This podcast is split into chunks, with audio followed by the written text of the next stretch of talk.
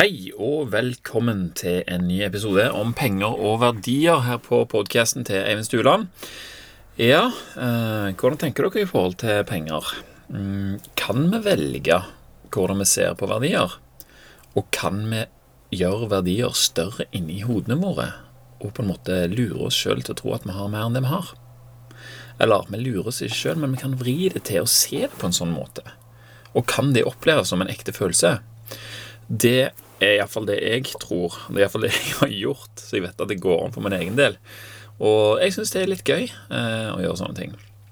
Eh, for det kan sørge for at vi får til mer enn, vi, enn hva vi ellers hadde fått til.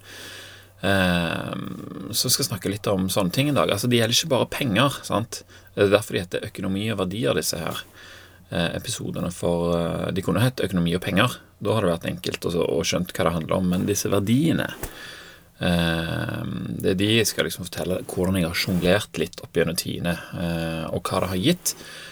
Og om noe det faktisk fortsetter å gi. Eller ja, ofte er det jo sånn at det, selv om du har gjort noe som i etterkant virker veldig smart, så er det ikke sikkert at det, det var det som var intensjonen først. sant? Men det, det, er derfor jeg liker så godt det som han Nicola Hva er det han som har skrevet disse her Anti-Fragile eller sånn? Taleb. Nicola Nei, glem det, jeg husker ikke hva han heter. Men han sier iallfall det at eh, vi vet ikke hvor vi skal, men vi finner det ut ved å prøve. Så opp gjennom tida så har jeg prøvd masse greier. Og så skjønner jeg jo da litt hva som er kjekt, hva som funker, og hva som ikke er vits. Uh, og en ting som jeg har skjønt at ikke er noe vits å si, det er at, uh, at maten er dyr i Norge. Det, det, er det veldig mange som liker å si. Uh, sannheten er at den er en av de billigste i verden i forhold til inntekten. Sant? Etter krigen så gikk ca. 50% av inntekten vår til mat. Og da hadde alle kjøkkenhager og alle hadde høns. De var kreative i matveien fordi det både lønte seg økonomisk, eh, og det var godt for helsa. Sant? Lever, nyrer, lunger og talg. Alt blir brukt når ting er dyrt. Sammen. Men nå bruker vi ca. 11 av lønna vår på mat. Eh, og det er nesten ingen som har kjøkkenhage og høns. Og hvis de har det, så er det i alle fall ikke for å spare penger. Bedre kjøpekraft det gjør at man har lettere for å kjøpe dyrere mat enn nødvendig. Sammen. Og det blir til at man velger vekk mest, de mest næringsrike delene av eh, fisk og dyr. Sant? For de har blitt ekle for oss nå når man har blitt så fine på det. Sant? Og vi blir nødt for å ta dyre kosttilskudd for å supplere de dyre, men næringsfattige kjøttstykkene som vi da velger å spise. Så her er det ganske mye å hente. Eh, det kan virke som om vi har oppdratt kulturen vår til å være eh, sparsommelig og smart, sånn at vi seinere kan gjøre oss sjøl bjørnetjenester og skjemme oss bort, akkurat som det er det som er liksom den ultimate endestasjonen for oss. Eh, I Romania der bruker de fremdeles ca. 50 av inntekten sin på mat. Og der har fremdeles nesten alle kjøkkenhage og høns. Tror du de har mye matsvinn? Det tror ikke jeg. Tror du, de, tror du de handler på titalls sekker med torvjord gjennom sommeren for å dyrke grønnsakene sine? Jeg tror heller ikke det. Um, fordi, altså Hvorfor kjøper vi torvjord for å ha ute i hagen? Det er fordi det er veldig enkelt. Sant? Vi betaler for det, og tenker ikke mer over det. Akkurat det samme gjør vi jo når vi sender vekk eh, matavfallet vårt. Vi betaler for det og sender det vekk. Men det koster så lite, eller vi har så mye penger, at vi tenker ikke noe på det. Så altså, vi betaler for å sende noe vekk som kunne blitt til noe som vi må betale for, siden vi ikke lager kompost av vår egen matavfall. Eh, sant? Eh, akkurat som Og det er enkelt. Det er enkelt for de i Romania og fremdeles ha grønnsaker, kompost og høner, akkurat som det var enkelt for oss her i Norge etter krigen å ha grønnsaker og høner. Sant? Det var enklere å ha høns og grønnsaker enn å skaffe seg en jobb der man tjente nok til å handle unødvendig dyre produkter. Hadde du hatt mye matsvinn hvis 50 av lønna di gikk til mat? Bare, tenk, bare se for deg hvordan det ser ut nå. Se for deg hvor mye du får utbetalt, og ser for deg at du skal bruke halvparten av det på mat. Og, at du, og når du hadde brukt den halvparten, så var det kun det mest nødvendige du kjøpte. Sant? Ikke noe Jacobs utvalgte eller eh, noe vin eller sånne ting. Sant? Det er bare skjeva, pålegg og middagsmat. Uh, i, I Romania der er de ennå ikke rike nok til å kunne gjøre de der bakstreverske tingene som kjennetegner et moderne samfunn, som å lage biodiesel av matavfall. Sant? Altså, det er bare så bak fram at det er helt sykt. Du må bruke så vanvittig mange kilo med mat for å lage én liter med biodiesel at det er helt utrolig, istedenfor bare å lage kompost av det. Uansett um, det, det, er en veldig interessant del av det der. Altså. altså. Det er ikke bare kostnaden for oss som bør inn i dette her budsjettet. Eh, for da kommer vi inn i, inn i dette her verdigreiene. Sant? For hva er kostnaden for verden? Det er jo et godt spørsmål. Kona mi kjøpte en gang i tiden en, en liten symaskin. Så så ut nesten som en sånn stiftemaskin. Så bare Du kunne liksom sy en kjappe søm hvis du var på farten. sant? Det, det, det ser du jo for deg at det oh, det er jo nice. Det, det kan jeg jo kjøpe. Å, han koster bare 30 kroner. Enda bedre. Sånn. Eh, så, så, blir det veldig lite grunnlag for å tenke seg godt om om du virkelig trenger den tingen eller ei. Og så kommer han bare i posten. sant? Eh, ut av posen så tok det tre sekunder før han var ødelagt. Den virker ikke lenger. sant? Men hva skjedde så? Nei, hva, men hva var det som skjedde nå? Lærer vi egentlig, oss som bor i rike land, lærer vi fattige land at de òg kan bli rike ved å tilby oss billig drit. Vi kjøper det iallfall, så hvorfor skulle de ikke lage det? Sant?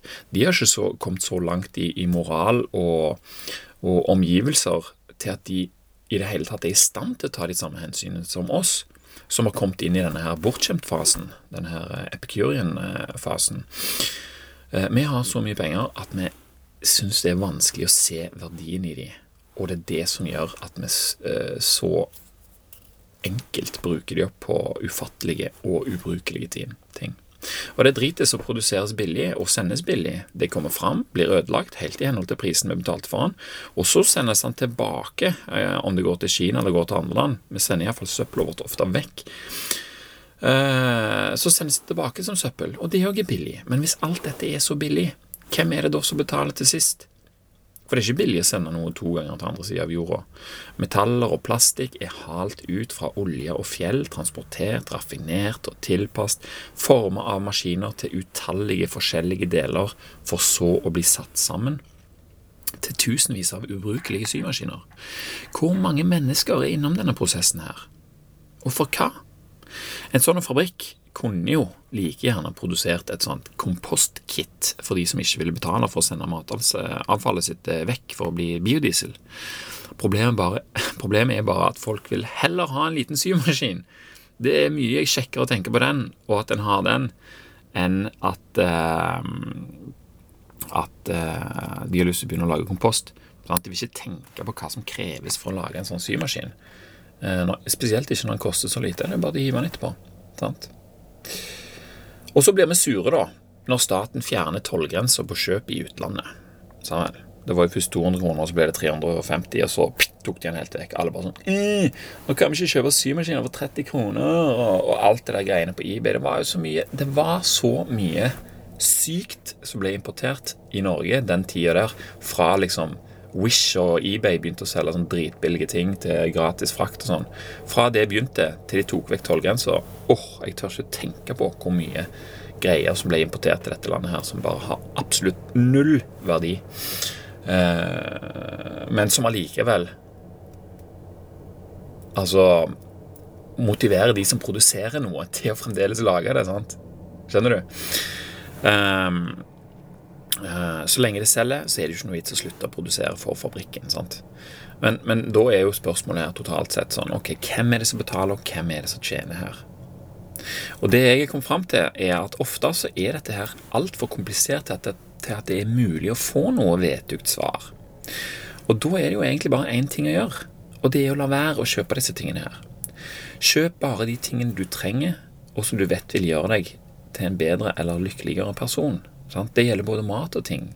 Tenking og dedikert oppmerksomhet til problemstillinger sørger for at de verste spontankjøpene unngås, og at det blir mulig å finne de gode, fornuftige kjøpene som bygger opp under din generelle holdning, og som gir bedre helse og et lykkeligere liv, og som tar vekk insentivet til en fabrikk i Kina til å lage noe drit.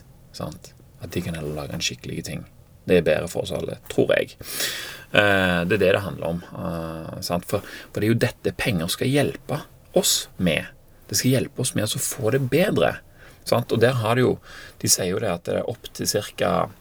750 000 kroner i årslønn, så vil penger gjøre deg lykkeligere. Men etter det så avtar veksten. Sant? Du blir ikke så mye lykkeligere fra 750 til 1 million, men fra 500 til 750, ja, det blir fremdeles ganske lykkelig. Men fra 250 til 500, wow, sant? der har du skikkelig hopp.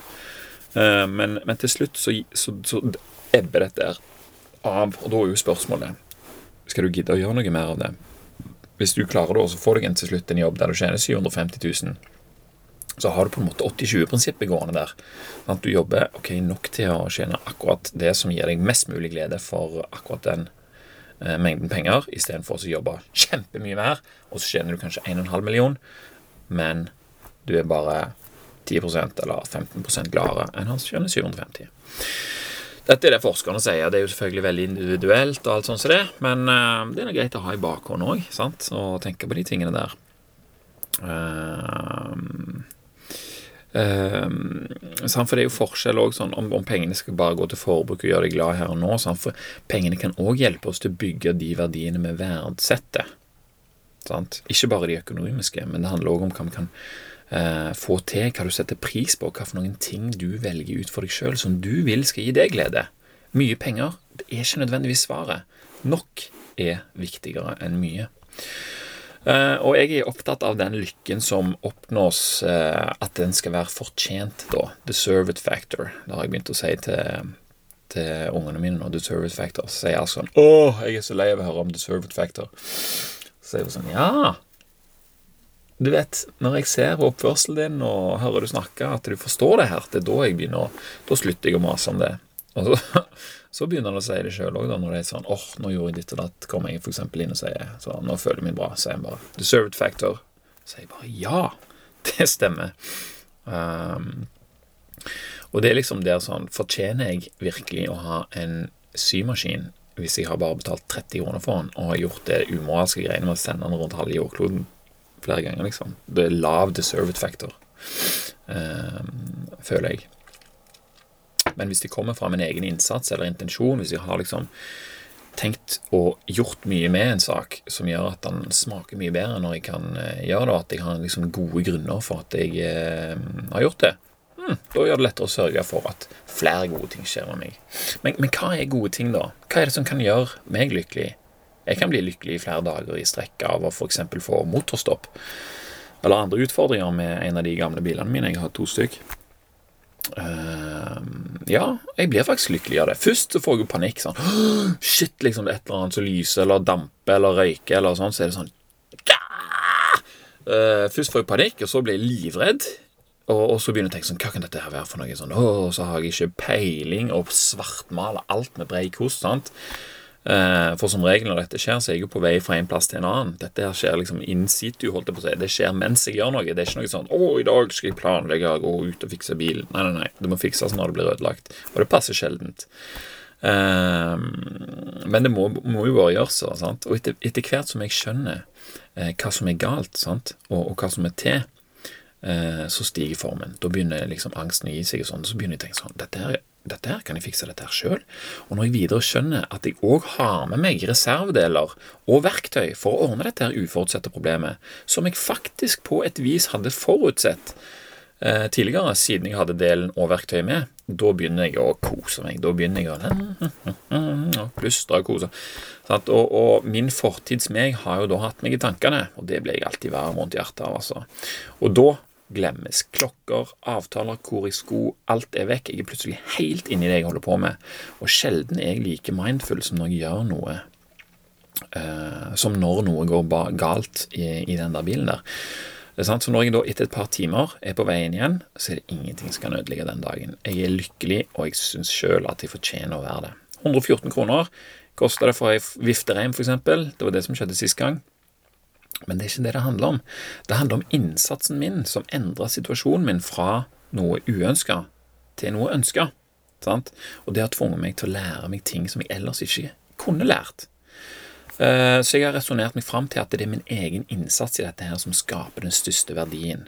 Følelsen av å ha gjort noe, av å ha løst et problem som sperrer for andre ting jeg ville gjøre. Sant? Jo verre det ser ut i starten, jo høyere blir belønninga når det er i orden igjen. Um, og at jeg sjøl har plassert meg i posisjon til at sånne ting kan skje med meg, det er jo en del av designet her. Sant? Kan jeg ikke bare ha en helt ny bil og bare være glad for at den alltid virker? Jo, du kan jo det, du kan jo prøve, sant? men det er ikke sånn det virker, akkurat dette her. Vi har jo en, en ny bil, vi har en Nissan Leaf. Uh, den har aldri vært noe gale med, så den har vi liksom som er sånn bankers. Uh, så sånn sett så så er vi jo bredt dekka, da. Og, og, nå snakker vi jo om økonomi og verdier her, og folk bare sånn Hæ? Har han tre biler? Og det stemmer, jeg har tre biler. Men én er elektrisk, og to er veteran. Og til sammen, da, med veiavgift og forsikring og sånn, så betaler jeg ca.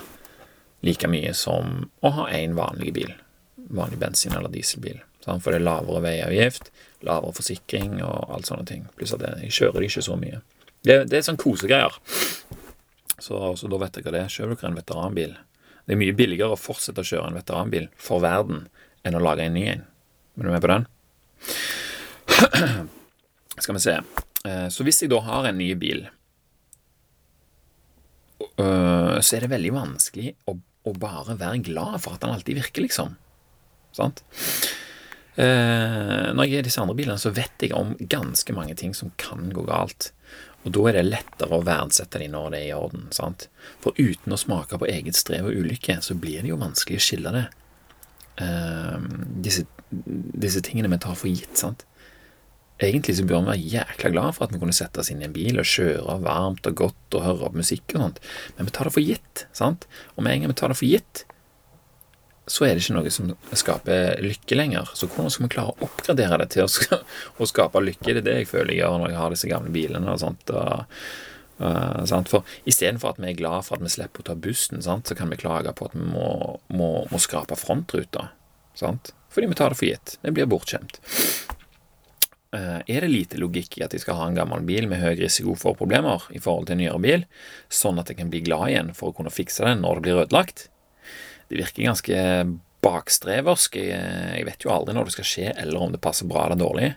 Men jeg har begynt å like det. Jeg liker det. Og er dette et av grepene jeg har tatt for å skaffe meg mer glede i denne her evolusjonære mismatch-situasjonen vi befinner oss i? Eller er det bare noe svar da som jeg har raka sammen for å beskytte min elsk for disse bilene, og det faktum at jeg ikke tar meg råd til en, til en ny og fin bil? Jeg vet ikke helt. Men spiller det noen rolle? Det er jo hvordan jeg har det som er viktig for meg, iallfall. Uh, og jeg har det bra. Og når jeg har det bra, så er jo det bra òg for min familie og sånne ting. Så alle kan være med på denne her uh, illusjonen, eller hva du, hva du, skal kalle det. Uh, det viktigste er at det gjør oss glad. Og når vi skjønner hvordan ting har vært, så kan vi òg skjønne hvordan vi kan få til det som gir oss mening. Sammen. Vi må skaffe oss vår egen motgang, sånn at vi kan få smake på belønningen de gir. Sant? Det er, jo det, som, det er jo derfor jegere og sankere eh, liksom holdt på så jækla lenge med de samme tingene. Fordi de var fornøyde med å finne vann og mat. Det, det er liksom Da har du gjort noe, da, eh, som er litt strevsomt, og så har du fått noe igjen for det. Mens vi nå bare går og åpner vasken, sant, og, og, og, så kommer det vann, og, og så går vi bare i butikken og henter mat. Det er, ikke, det er ikke givende på den samme måten, for det er ikke strevsomt.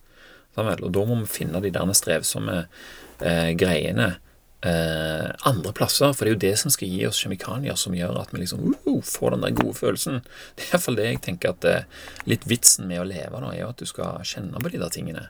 Sant? Vi skal ikke bare gå og være helt sånn brut, helt flat hele veien. liksom sånn, nei det er liksom, Du hører jo folk sånn 'Hvordan går det?' 'Nei, det er ikke så mye som skjer', liksom. og sånn. Da må du få ting til å skje, da. sant?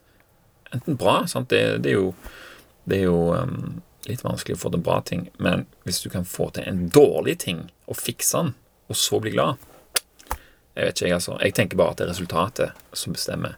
Og så skal du selvfølgelig ikke ta det helt ut. og sånn, Trenger ikke overdrive. Men vi må iallfall skaffe oss vår egen motgang, sånn at vi kan få smake på hvordan det er å fjerne den motgangen. Da blir det tydeligere hva, hva vi holder på med. Eh, vi gjør jo dette hele tida med andre ting.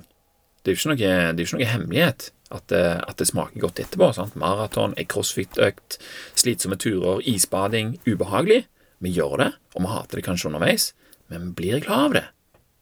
Sant? Og så elsker vi det plutselig. Sant? Det er jo ingen som det er jo ingen som snakker så mye om trening som de som trener hardest. Sant? Og det er jo ingen, ingen, ingen, ingen isbadere som snakker om at det, det, er helt forferdelige ting, og de skulle ønske de aldri holdt på med det. Elsker det. Sant? For det er smerte, og så får du noe digg etterpå, i belønning. Selvpåført motgang er det kanskje best å kalle dette her. Og motgangen den gjør at jeg forstår hva medgangen er verdt, da. Sant? Så jeg har jo to sånne gamle biler. En camper for sommertid og en uh, pickup med firehjulstrekk for vintertid. Begge, begge to Volkswagen eh, Caravelle fra 80-tallet. Og begge er veteran, sant? Um, det var fullstendig ulogiske kjøp, eh, hvis vi tar arbeid og økonomi i betraktning. Men det er ikke bare tid og penger som er verdiene våre. Det er mulig å produsere kjemikalier og hormoner i kroppen som får oss å føle oss bra. Å få de servert uten å ha gjort noe, er ikke like givende som når du har vært gjennom en fysisk og gjerne mentalt strevende prosess. Den ene bilen, camperen, den kjøpte jeg når vi levde våre liv i frivillig fattigdom, per definisjon, altså. Vi, vi følte det jo ikke sånn, selv om vi hadde veldig lite penger, eh, riktignok. Men den, den kosta altså 40 000 kroner, da. Å kjøpe den når vi var i vår posisjon, det kan ikke kalles fornuftig sånn i utgangspunktet. Med mindre du virkelig legger godviljen til. Og det var det jeg gjorde, ser du. Eh, for jeg ville veldig ha den bilen der. Men siden jeg ikke hadde så mye penger, så ble det en enorm mengde tenking på å rettferdiggjøre det kjøpet. Sant? Og jeg mener jo bestemt at det har hjulpet meg å sette pris på den bilen, og hva den kan gi resten av familien når vi allikevel har den. Sant? Å kjøpe den bilen skulle komme familien òg til gode, uansett. Eh, og det er som om vi planla hvordan denne bilen skulle gjøre oss eh, når han kom. Sant? Altså tenkte sånn Å, ja, Hvis vi har den bilen, så kommer vi til å tenke sånn og sånn, så kommer vi til å ha sommerferie Så når bilen kom, da, så ble det jo sånn. Sant? Uh, og det starta jo selvfølgelig allerede med en tur til Mo i Rana for å hente han, sant? og da tok jeg med meg Ask på tur. Bare den turen alene sørga for en gigantisk belønning til meg og Ask for resten av livet. Vi kan alltid snakke om den gangen vi henta camperen og det vi opplevde på den turen. Husker Ask så eh, sin første elg og var på Trollstigen og besøkte søskenbarna hans alt mulig. Eh, det var en sånn flying start. Og så kommer alle de herlige turene vi har hatt i årene siden med resten av familien. Og så har vi alle de problemene som har dukket opp, som har krevd at jeg lærer meg hvordan det virker, og hvordan det fikses. Sant? Jeg hadde veldig lite penger, men bilen var en kilde til gode følelser og verdier for meg og resten av familien. Og siden jeg planla at den skulle virke sånn på oss, så tror jeg at det hadde enklere for å bli sånn. Problemer som er løst, og utbedringer som er gjennomført underveis, øker denne verdien. sant? Den er, den er, på en måte blitt en del av familien vår. Og Ungene har jo allerede krangla lenge om hvem som skal arve camperen, men det er bare fordi at de ikke vet at jeg skal begraves igjen. Hvis jeg hadde hatt mye penger, så er det ikke sikkert at jeg hadde gått for en sånn bil. Og hvis jeg hadde gjort det, så er det ikke sikkert at jeg hadde likt den like godt som når det var en så stor avgjørelse å ta. Jeg hadde kanskje gått for en annen bil, eller en som samsvarte med lønna mi, en som ikke kunne repareres langs veien på Røldalsfjellet. Og kanskje hadde jeg hatt råd til å sende den på verksted når noe var galt òg. Da hadde jeg ikke visst alt jeg vet nå om motorer og hvordan de virker. Og jeg hadde òg gått glipp av alle de der kjemikaliene fra å klare å fikse det. Så dette her måtte læres, og det måtte gjøres. sant? Det koster, men gevinsten sitter jeg med sjøl. Og når jeg kan fikse noe sjøl, så gir det en enorm mestringsfølelse. Og følelser, sant. Er det ikke det vi alle er ute etter? En god følelse? Det er derfor vi vil ha penger, for vi ser for oss at det kan hjelpe oss å, å kjøpe ting, skal gi oss god følelse. Sant? Eller eventuelt at vi skal slippe å jobbe og ikke ha den kjedelige følelsen vi eventuelt får over jobben vår hvis vi ikke liker den. Uh, den gleden kommer raskere om med mer moment etter to timer med hodet i motorrommet, uh, og bilen er stappfull av ferieutstyr, og, og vi har liksom begynt på sommerferien for én time siden, og så bare pff, ligger liksom kjølevæske overalt. Da Da står jeg med hodet i motorrommet i to timer og har ikke peiling på hvor lang tid det har gått, men når komme ut igjen når det virker Å, fytti katta for en følelse. Mye, mye bedre følelse enn hva en mobiltelefon til 12 000 kroner kan, eh, kan klare å gi meg. I alle fall så er det sånn for meg, da. Det var ikke sånn før, men etter å ha tenkt og skrevet og handla innenfor det som var handlingsrommet mitt lenge, så har jeg funnet ut at det kan være sånn for meg. Jeg kan velge det. Og jeg tror ikke jeg hadde kunnet finne den samme gleden i disse små tingene om jeg kunne betale meg ut av alle disse problemene som jeg kom over. Sant? Jeg hadde ikke lært annet enn at alt det som ser ut til å være normalt, er sant. sant? Vi ser rundt oss, folk kjører rundt i flotte biler, de går på verksted og handler og alt sånt som det der. Tilsynelatende så er det sånn vi skal gjøre det. Men det er mange andre måter å gjøre det på òg. Vi jobber sånn at vi kan få råd til ting og holde oss glade. For at denne modellen skal holde oss glade, så må den hele tida sørge for at vi får litt mer, litt mer lønn og litt mer vi kan kjøpe for pengene våre. Eller så blir vi kanskje lei oss, og da blir vi fort utakknemlige for jobben vår og tilværelsen generelt, noe som ikke henger på greip når vi har det så bra som vi har det da. Eh, så nå skal jeg fortelle litt om hvordan årevis med sånne her tanker kan utspille seg praktisk. Eh, for en av mine sanneste læresetninger som jeg har lagd for meg sjøl, er at hvis du har hatt lite penger en periode, så tvinges du til å se verdier andre steder. Og hvis denne perioden varer lenge nok, så vil dette bli en vane som henger igjen, og etter det eventuelt har kommet mer penger. Og de pengene du da har til rådighet, de vil med mye større sannsynlighet gå der de gir mest verdi tilbake. Samuel? Dette var ikke noe jeg kom på så tenkte sånn Å, nå, nå, skal jeg, nå har jeg bestemt meg, nå skal jeg være fattig i tre år fordi at jeg skal prøve denne læresetningen. Det var ikke sånn det var. Det var sånn at jeg kom på den underveis. Eh, sant? Eh, at eh, yes, nå, nå, er jeg veldig opptatt av penger og liksom ser sånne små verdier og sånt overalt når jeg får mer penger, så tror jeg at jeg blir flinkere til å plassere dem sånn. Det var sånn jeg tenkte, og så ble det sannere og sannere og sannere for meg. Penger er en verdi, familietid en annen, mestringsfølelse, ro og fred, en god jobb, solid innsats, aldri sitte i rush, ikke på kontor hver dag klokka åtte, sant. Alle de tingene der, åh, de er verdt noe. Veldig vanskelig å sette pris på hvor mye akkurat, men Jesus, så mye det er verdt. Det er ikke så jeg hadde jo da en, en sånn tiårsplan på hvordan jeg skulle fikse huset med den der lave inntekten min fra 36 stilling som badevakt pluss, pluss de strøjobbene jeg hadde, som slakter og PT og snømåker. Så Plutselig fikk jeg tilbud om en ny jobb som ga meg liksom to og en halv gang den lønna jeg hadde. Hm, hvor skulle de pengene gå, mon tro? Så da ble den tiårsplanen kutta ned til tre. Skulle spare ett år, og da så skulle jeg begynne å og kjøpe ting for de pengene, og så begynne å isolere, skifte kledning og vinduer, montere ventiler og male og alt det der. Det visste jeg, fordi jeg hadde tenkt så, så mye på det i den tiden der jeg ikke kunne gjøre annet enn å tenke på det. Sant? Så i denne perioden her så kommer jeg til litt andre konklusjoner enn andre ser ut til å lande på. Eh, for de får, så god tid til å liksom tenke sånn Ja, hvis sånn, eller hva hvis det, og bla, bla, bla. Sant? Hvis du holder på sånn i mange måneder, så kommer du fram til et bedre svar enn hvis du bare gjør det i to dager. Uh, så hvis jeg liksom er så sparsommelig og fornuftig i pengebruken da, som jeg eh, liksom tenker at jeg er, hvorfor kjøpte jeg 70 dyrere materialer til kledning enn det jeg trengte? Og hvorfor kjøpte jeg vinduer som kosta dobbelt så mye som andre vinduer som jeg kunne kjøpt som er ikke like gode, men gode nok. Det er verdier det er snakk om igjen. sant?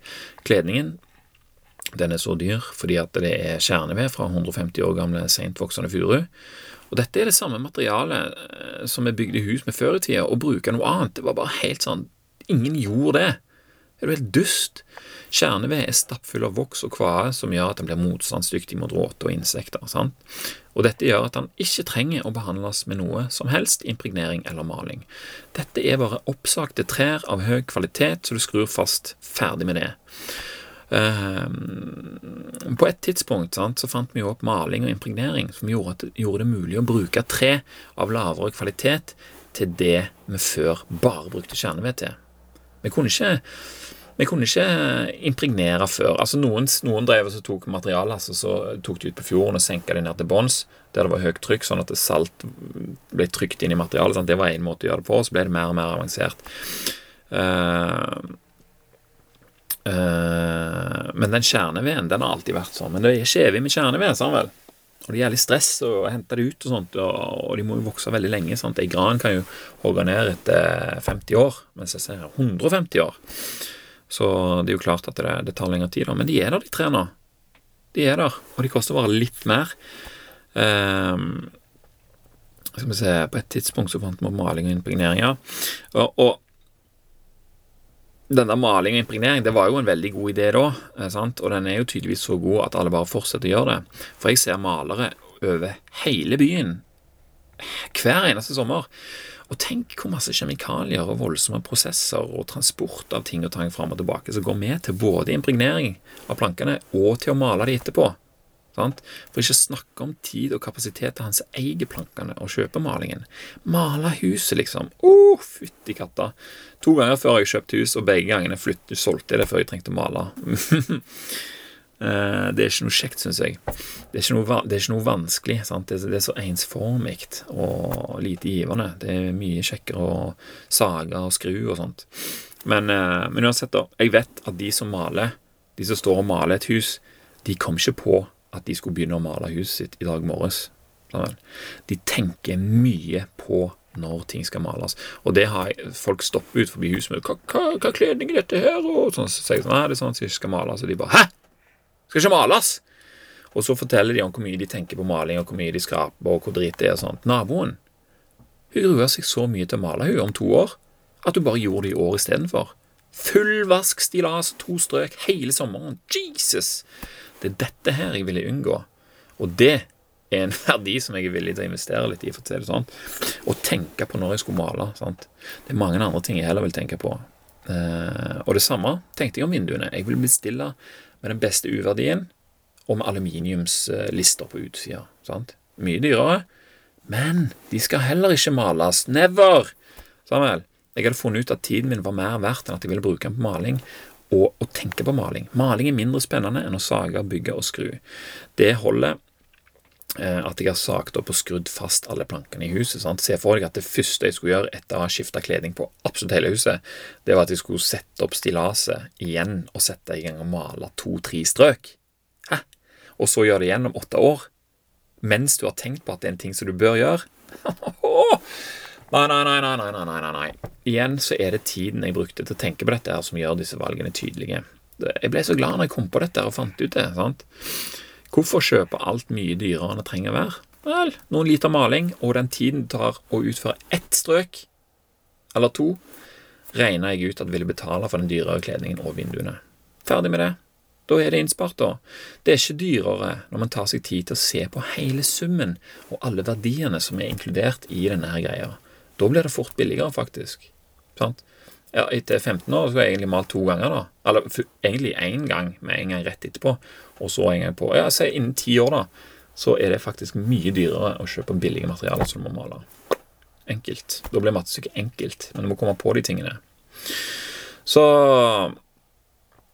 eh, nå er det montert, og du trenger ikke tenke på det igjen. Sant? Jeg bestilte vinduer og kledning, kjøpte meg et stillas og en tilhenger.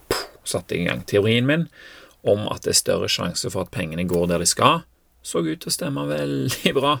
Mer penger blir brukt nå, sånn at jeg ikke skulle trenge å bruke mer seinere. Mye tenking gikk på å finne dette her ut, sånn at jeg ikke trengte å tenke på maling seinere. Og da kan jeg heller bruke tanker og energi på meg sjøl, på familien, andre ting jeg har lyst til å få til. Sant? Jeg vet ikke hva det skal bli, men jeg vet at maling og tenking på maling ikke er en eh, del av det. Så med andre ord, så betaler jeg, betaler jeg dyrere for materialene. Det er en verdi. Men jeg får verdier i retur òg. Solid, bærekraftig kvalitet. Mye mindre kjemikaliebruk på maling og impregnering. Fri fra tanken om vedlikehold. Og den gode følelsen av at alt dette er på plass pga. at jeg tok meg tid til å tenke på det. Sant? Og I tillegg så stiger jo pengeverdien av huset uh, når du gjør sånne ting. Oi, oi, nå, nå, nå begynner jeg å føle meg litt rik her nå, plutselig. Eh, sånn så har du i tillegg alt jeg har lært i denne prosessen, nok en verdi. Jeg kunne ingenting om bygging jeg, for bare noen få år siden. Så hadde jeg hadde null peiling. Så bygde jeg et lite hønsehus, fikk litt veiledning av, veiledning av svigerfar. Og det var starten. Så bygde jeg et drivhus med litt veiledning fra et par søskenbarn og kona. Litt sånn de hovedtingene, sånn hvordan gjør vi dette her. Resten var trail and error på, på egen hånd, da. Jeg hadde tid til det, Samuel. Eh, jeg hadde ikke penger, men jeg hadde tid. Og så bygde jeg et hønsehus til som var noe større denne gangen her. Uh, og jeg hadde jo ikke penger til å kjøpe noe av dette. altså Alt ble jo bygd av materialer og vinduer og sånn som så jeg fant oppe på tippen og andre plasser der de hadde et skjevt syn på verdier. Så jeg fikk jo materialer for sikkert 40 000 som jeg har hatt hjemme og sakte, men sikkert brukt til å bygge forskjellige ting med. Så med disse erfaringene under beltet så tenkte jeg at jeg hadde nok pondus til å sette i gang med huset, og mens jeg venta på materialene og vinduene, så pepra jeg morgensiden mine fulle av tanker om hvordan ting kunne gjøres uten at jeg skulle bli lei. Samuel. For uh, når man blir lei, så blir man òg fort gretten, motløs og ikke kul å være med. Sant? Og uten at jeg skulle være helt borte fra unger og kone og hverdagsverdiene våre, sant? som de lange frokostene og de herlige kveldsstundene som vi har hver dag, som gir oss en arena til å prate og tenke og finne ut av ting sammen. Samuel. Eh, så hvordan skulle jeg klare å fikse hele huset, men samtidig ivareta de verdiene der. Og det klarte jeg. Jeg tenkte så mye på det og, og satte meg opp en strategi, og det syns jeg funka bra. Det gikk ikke så fort som det kunne ha gått med huset, sant? men det var, det var, jo det jeg hadde planlagt. Uh, men jeg tenker at både huset og livet ble bedre enn hva jeg har sett det går an uh, på Sinnasnekkeren, f.eks. Så jeg syns jeg har gjort det på en veldig god måte. Jeg har brukt lang tid men jeg har ikke jobba mange timer i forhold til resultatet. Og så kom jeg til å tenke på det som Abraham Lincoln sa en gang i sin tid. Gi meg seks timer på å hogge ned et tre, så vil jeg bruke de første fire timene på å slipe øksa. Samuel. Jeg tenkte på alt jeg skulle gjøre i ukevis, i månedsvis, før jeg skulle gjøre det. Samuel. Jeg skrev om det i, i morgensidene mine, og eh, det var liksom ikke så mye å lure på lenger når jeg eh, når jeg først var kommet opp i stillaset der, sånn, så visste jeg det. Jeg sto ikke der og klødde meg i hodet og liksom, åh, var sånn motløs og sånn. Jeg klødde meg heller i hodet med blyanten i ukene og månedene før, og så klart underveis òg grann, sant? men mye var tatt.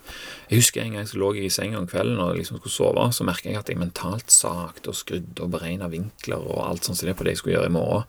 Jeg var helt inni det når jeg var inni det, og så var jeg ikke så mye inni det når jeg ikke var det. Og så gikk jeg sånn av og på.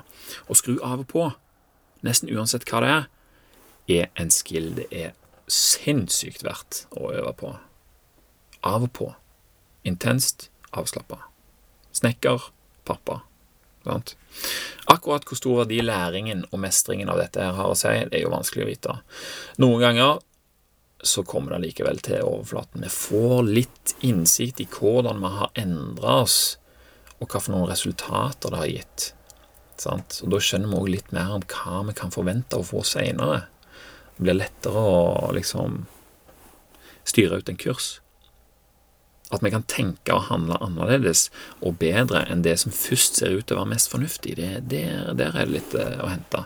Og dette ble veldig tydelig for meg eh, når vi i vår fikk feil materialer til siste delen av huset det var litt av en vegg og terrassen og noen andre detaljer der som jeg hadde bestilt. 36 000 kroner i plank. Det var liksom det siste lasset. Jeg tok dette her i tre omganger. Først to vegger, så to vegger til, eh, og så skulle jeg ta den siste. Eh, og jeg visste ikke at vi hadde fått feil materialer, så jeg skrudde på jeg, og rakk akkurat å montere det på plass før sommerferien. Dødsdigg, sant? Jeg bare uh.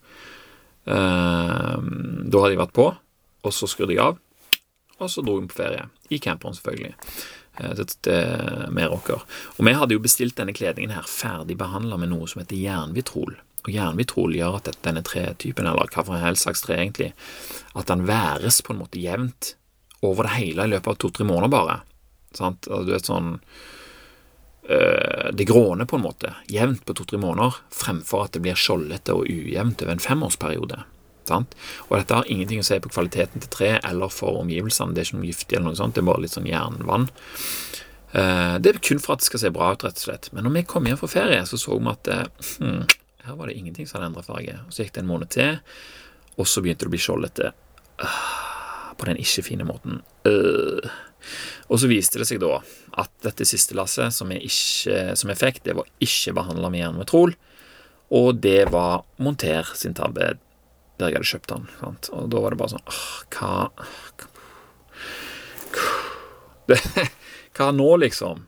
Kunne vi behandla det med jernmotrol sjøl? Det var et forslag for de, Monter. De bestilte jernmotrol, og Barbro ringte til Moelven og spurte, liksom. Og de bare sånn nei, nei, nei, nei, det vil aldri bli likt, for vi har gjør det på den og den metoden, og bla, bla, bla. Ok, så var Monter veldig greie på det, da, og bare bestilte nye materialer som var ferdig Jernmetrolbehandla. Uh, og det vil jo da si at jeg måtte ta ned det som jeg hadde montert, for så å montere det nye opp igjen. Sant? Og så fikk vi beholde de gamle materialene. Uh, og det syns jeg var jeg fornøyd med. Jeg kalte det en deal, jeg. sa takk skal du ha. Det var fint. Men når vi fortalte dette her rundt omkring, så var alle sånn Å, fy søren! Sykt drit, liksom. Ja, du fikk vel montere de De skifta vel, de? Og jeg bare Hæ? Det hadde jeg ikke engang tenkt tanken på. Min tanke var en helt annen. Min tanke var yes! Nå får jeg ny kledning, og jeg får muligheten til å endre på noen av detaljene og gjøre en bedre jobb med det som jeg ikke var så fornøyd med at jeg gjorde første gangen. Jeg var dritglad av det. Eh, det var på en måte en gave sånn sett, så koste jeg meg med det. Så husker jeg på Av og til så skriver jeg sånn lapper til ungene i matboksen, skriver sånn quotes og sånn. Så husker jeg jeg hadde skrevet en quote til sitat til, til Ask. Så Henry Ford hadde et sånn Henry Ford. Og det er liksom sånn når du feiler eh, Jeg husker ikke helt ordet hvordan det var, men det er iallfall sånn hvis du feiler, så bør du egentlig være glad, for da får du sjansen til å gjøre det på nytt på en bedre måte. Og det merka jeg at jeg hadde internalisert det uten at jeg hadde tenkt noe særlig over det. Og det ble jeg veldig glad for å finne ut. Uh, og nå, når jeg har gjort det ferdig denne gangen, så er jeg kjempefornøyd med resultatet. Jeg syns det ble dritbra, og gjorde meg så flid og, og, sånne ting. Det var så givende. Og de ekstra materialene de gjorde at vi også kunne bygge et ganske nice halvtak over inngangen òg, noe vi har ønska oss lenge. Så det var dødsnice. Det òg tok tid, men jeg syns jeg var fornuftig i hvordan jeg sjonglerte tiden jeg brukte på det, uten at jeg var vekke sant, i forhold til familien så mye, uten at jeg sjøl ble lei. Uh, jeg ville nok ikke hatt den samme følelsen hvis det var noen andre som gjorde det. sant? Jeg har stått og tenkt på dette huset i mange måneder, jeg vet ikke hvor mange timer, og så skal plutselig noen andre komme som aldri har tenkt på det, og bare bzz, bzz, gjør noe. sant? Og så vil jeg da finne ut at de har gjort det på en annen måte som jeg ikke ville gjort det, sant? og vil jeg prøve å endre litt. Og alt dette her har jo verdier, sant? så jeg tenker bare ah, hvor kult er det å si ja, jeg har bytta kledning på hele huset utenom der og der og der. Det er ikke like digg som å tenke at ah, jeg har bytta på hele huset sjøl, og det ble veldig bra, og jeg er fornøyd. Og en god bonus eh, med å gjøre de tingene sjøl, er jo at ungene ser at jeg jobber og får til noe. Sant? Det er en selvfølge for de, akkurat som det var det for meg, at pappa kan fikse det meste. Og det er kultur, spør du meg, en viktig verdi, men veldig vanskelig å måle. Og noen ganger så kommer det til overflaten da likevel. Noe av det første jeg gjorde når jeg var ferdig med den hovedjobben på huset, det var å ringe far min og fortelle han hva jeg hadde gjort, og at det ble mulig pga. det jeg hadde lært av han i forhold til arbeidsmoral og problemløsning gjennom oppveksten og ved å være med han på, på jobb. Og det var sykt feelgood. Han, jobb, han jobbet med, Av og til så ble jeg med han med monterte sånn porter på sånn lagerbygg og, og, verft og alt mulig sånne ting, så jeg har vært med han en del på det, da. Så jeg fortalte han det, så var det veldig feel good, altså. Uh, han ble jo selvfølgelig veldig glad, og senere så fikk jeg vite at stemor mi satt rett ved siden av han, og hun hadde begynt å hylgrine for hun ble så rørt, så det var feel good. Men jeg tror ikke han planla det i sin tid at uh, han skulle ha den effekten på meg, men det kommer likevel. Og da fortjente han det. Samuel. Og jeg tenker det at uh, å, når jeg ser at det skjer, så tenker jeg det kan jeg prøve litt grann på. Det er ikke sikkert det skjer, men kanskje det øker sjansen litt grann for at ungene mine også kommer til å tenke sånn om, om meg seinere, og at det skal hjelpe de òg, og så klare de tingene som de har lyst til. Uh, og så er det jo selvfølgelig ikke tilfeldig at jeg har kunnet gjort dette her. sant? Hadde jeg hatt en åtte til fire-jobb, så hadde jeg ikke klart det på den samme gode måten. sant? For da måtte jeg jo brukt kvelder og helger, og det er jo den tiden jeg ikke vil bruke på det. sant? Jeg jobber turnus, og en av grunnene til at jeg sa ja til det, var at jeg kunne gjøre sånne ting når jeg var hjemme på dagtid, når ungene likevel er på skolen. sant? Så får du kvelden og morgenen uansett. Og helgene. Samtidig så tenkte jeg at hvis jeg skal være vekke fra familien så lenge, så skulle ikke den tiden sløses med når jeg var vekke på jobb. Dermed så blir det lesing og skriving når det er dødtype jobb, ikke TV-titting og spilling, noe det fort kunne blitt om jeg ikke hadde noen strategi for dette her. Og det er iallfall det som er tilfellet. Det er jo det de andre gjør hele tida. No offence til dere kollegaer som jeg jobber med, alle fine folk. Men eh, jeg føler jeg får mer ut av å være på jobb enn det dere gjør. Dere bare leser på telefonen hele tida og spiller. Uansett. Eh, kanskje, hvis jeg er fornøyd med å ha lest og skrevet på en episode og trent og meditert og spist bra og sånt, så kan jeg kose meg med en dokumentar på kvelden. Det, det tar jeg meg eh, råd til. Men ikke uten at jeg har, eh, er fornøyd med egen innsats eh, først. Og Da er det som regel alltid på NRK jeg kikker. Denne gangen jeg var på jobb, så jeg dokumentar om Tage Erlander, den svenske statsministeren. Han var statsminister i 24 år. Det var ganske interessant. Og han òg skrev eh, dagbok hver eneste dag, og det, det var veldig interessant. Jeg følte, følte meg litt sånn oh, chummy mann. Uh, som når jeg har vært på jobb da, tjent penger, lært mye, tenkt mye, produsert en episode og spilt den inn, så gir det ekstra godt med energi som jeg kan bruke på familien når jeg kommer hjem. Alt dette her er verdier. Sant? Og samtidig så har jeg som regel planlagt hva jeg skal få til når jeg skal være hjemme i de syv dagene. Sist gang var det å bygge det der ferdig, det der overbygget. Som sagt, så gjort. Uh, og det kan godt være noe helt annet òg, at vi skal dra med familien på hytta eller whatever. Uh, men det kan være hva som helst. Og det viktigste for meg er at det, det blir en sånn harmoni over det, at det ikke er sånn krampaktig, hvis du skjønner hva jeg mener. Sånn som det er på Sinnasnekkeren, når folk bare har gitt opp og nesten skiller seg og sånt. Og nei, nei, nei, det, er kanskje, det er ikke bra. Det er, det er ikke god de. Da er det ikke verdt det. Sant? Det skal være verdt det. Som jeg sa tidligere, hadde denne episoden her hett økonomi og penger, så hadde det ikke handla om sånne ting som det. Da hadde det handla mer om bare penger. og sånt. Penger er en verdi, men det er bare en veldig liten del av det vi kan tilegne verdi. Verdier kan være hva som helst, og det er oss sjøl som bestemmer hva som skal gi oss disse verdiene her. sant? Om det er sant for noen andre, det er ikke like viktig som at du får til det du ønsker å få til. Og min sannhet det er at jeg kunne gjøre alt dette her som jeg har gjort, mye av at jeg skriver morgensider. Og det kan høres helt feil ut for noen andre, for det er jo mange som klarer å skifte kledning og vinduer uten å skrive morgensider, men for meg så var det det. Eh, og det er ikke like viktig at jeg ikke er ferdig med det jeg har planlagt å bli ferdig med. Sant? For det handler ikke om at vi skal late som om penger ikke er viktig. Penger er definitivt viktig. En viktig verdi, ingen tvil om det. Men det er nettopp derfor det er så stor fordel å skaffe det på en minst mulig krevende måte, og så bytte de pengene i andre verdier som en verdsetter, med minst mulig svinn, sant? og kanskje til og med høyest mulig avkastning. Jeg trives på jobb, men jeg drar ikke på jobb for moro skyld. Jeg drar dit fordi jeg trenger penger. Sant? Og planen er jo at til slutt de skal ha nok penger til mm, sjøl til å slippe å hente de på en eller annen jobb hver måned. Og når det skjer, så kan jeg kalle meg sjøl egentlig pensjonist, men det er da først jeg er fri til å kunne jobbe med hva jeg vil, uten at jeg trenger å tenke på at det må gi meg en pengeverdi i retur. Som denne podkasten her, f.eks. Jeg har aldri tjent en eneste krone på den, jeg. Den koster meg faktisk penger å holde den gående, selv om det ikke er så mange hundrelappene i året. Men hvorfor i alle dager skulle jeg gidde å lage podkast, liksom? Mange har spurt meg om det. Uh, og det er jo For, for tilsynelatende, når folk ser på det sånn Hvorfor gidder du å bruke mange timer på det, får ingenting igjen for det? Ikke penger, nei. Men det er jo av alle de andre verdiene jeg får ut av å gjøre det. Og det smaker mye, mye bedre enn før, når jeg trodde at penger var en viktig verdi som jeg skulle få ut av innsatsen som jeg la i, ned i denne podkasten før når jeg starta en Steinaldermann-podkast for mange, mange år siden. Verdien og gleden ved å lage episoder den gikk kraftig opp når jeg fant ut at jeg likte bedre å bare lage episoder uten å måtte ha reklame og uten en baktanke om økonomisk gevinst. Og det er vanskelig å måle en sånn verdi. Alt jeg vet, er at resultatet jeg får av innsatsen, er nok til at jeg ønsker å fortsette med det. Og Sånn er det med bilene òg, Om huset, om hagen, om alle de andre tingene som jeg liker å gjøre. Lese, skrive og tenke hva, hva det nå skal være. Uh, og Jeg pratet med en kar her i siste uke og så fortalte jeg at jeg, egentlig så forsøker jeg å hjernevaske meg sjøl til å handle i retning resultatene jeg vil ha, eh, og bort fra, de der, eh, fra det som markedsføres kraftigst. Jeg tenker at eh, en ny BMW, det tenker jeg ikke på som noe som skal gi meg en verdi. Jeg tenker mer på at jeg allerede har en veldig høy verdi i denne råtne gamle bilen som jeg sitter i nå råtne gamle bilen fra andre sine øyne, selvfølgelig. Så jeg har lurt meg sjøl til å liksom være fornøyd. Jeg tror at jeg har noe bedre enn andre. sant? Eh, så han var ikke helt enig i det resonnementet der. Han mente at dette var mer som at eh, en hadde rensa ut alt det som var av gammel hjernevask som fantes der inne, som har akkumulert seg opp gjennom årene. Som at de klassiske verdiene penger og biler og klær er viktigere enn andre verdier det er vanskeligere å måle enn penger. Sant?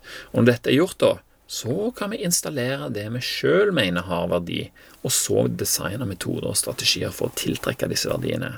Og da er det sånn mm, Det er ikke alltid møter noen som kan si sånne ting, så det likte jeg veldig godt. Nok en tanke det kan være verdt å, å underholde der. Men vet aldri når sånne ting plutselig, plutselig viser seg å, å, være smart og ha gjort. Sant? Uh, så det var det for denne gangen. Det var snakk om verdier.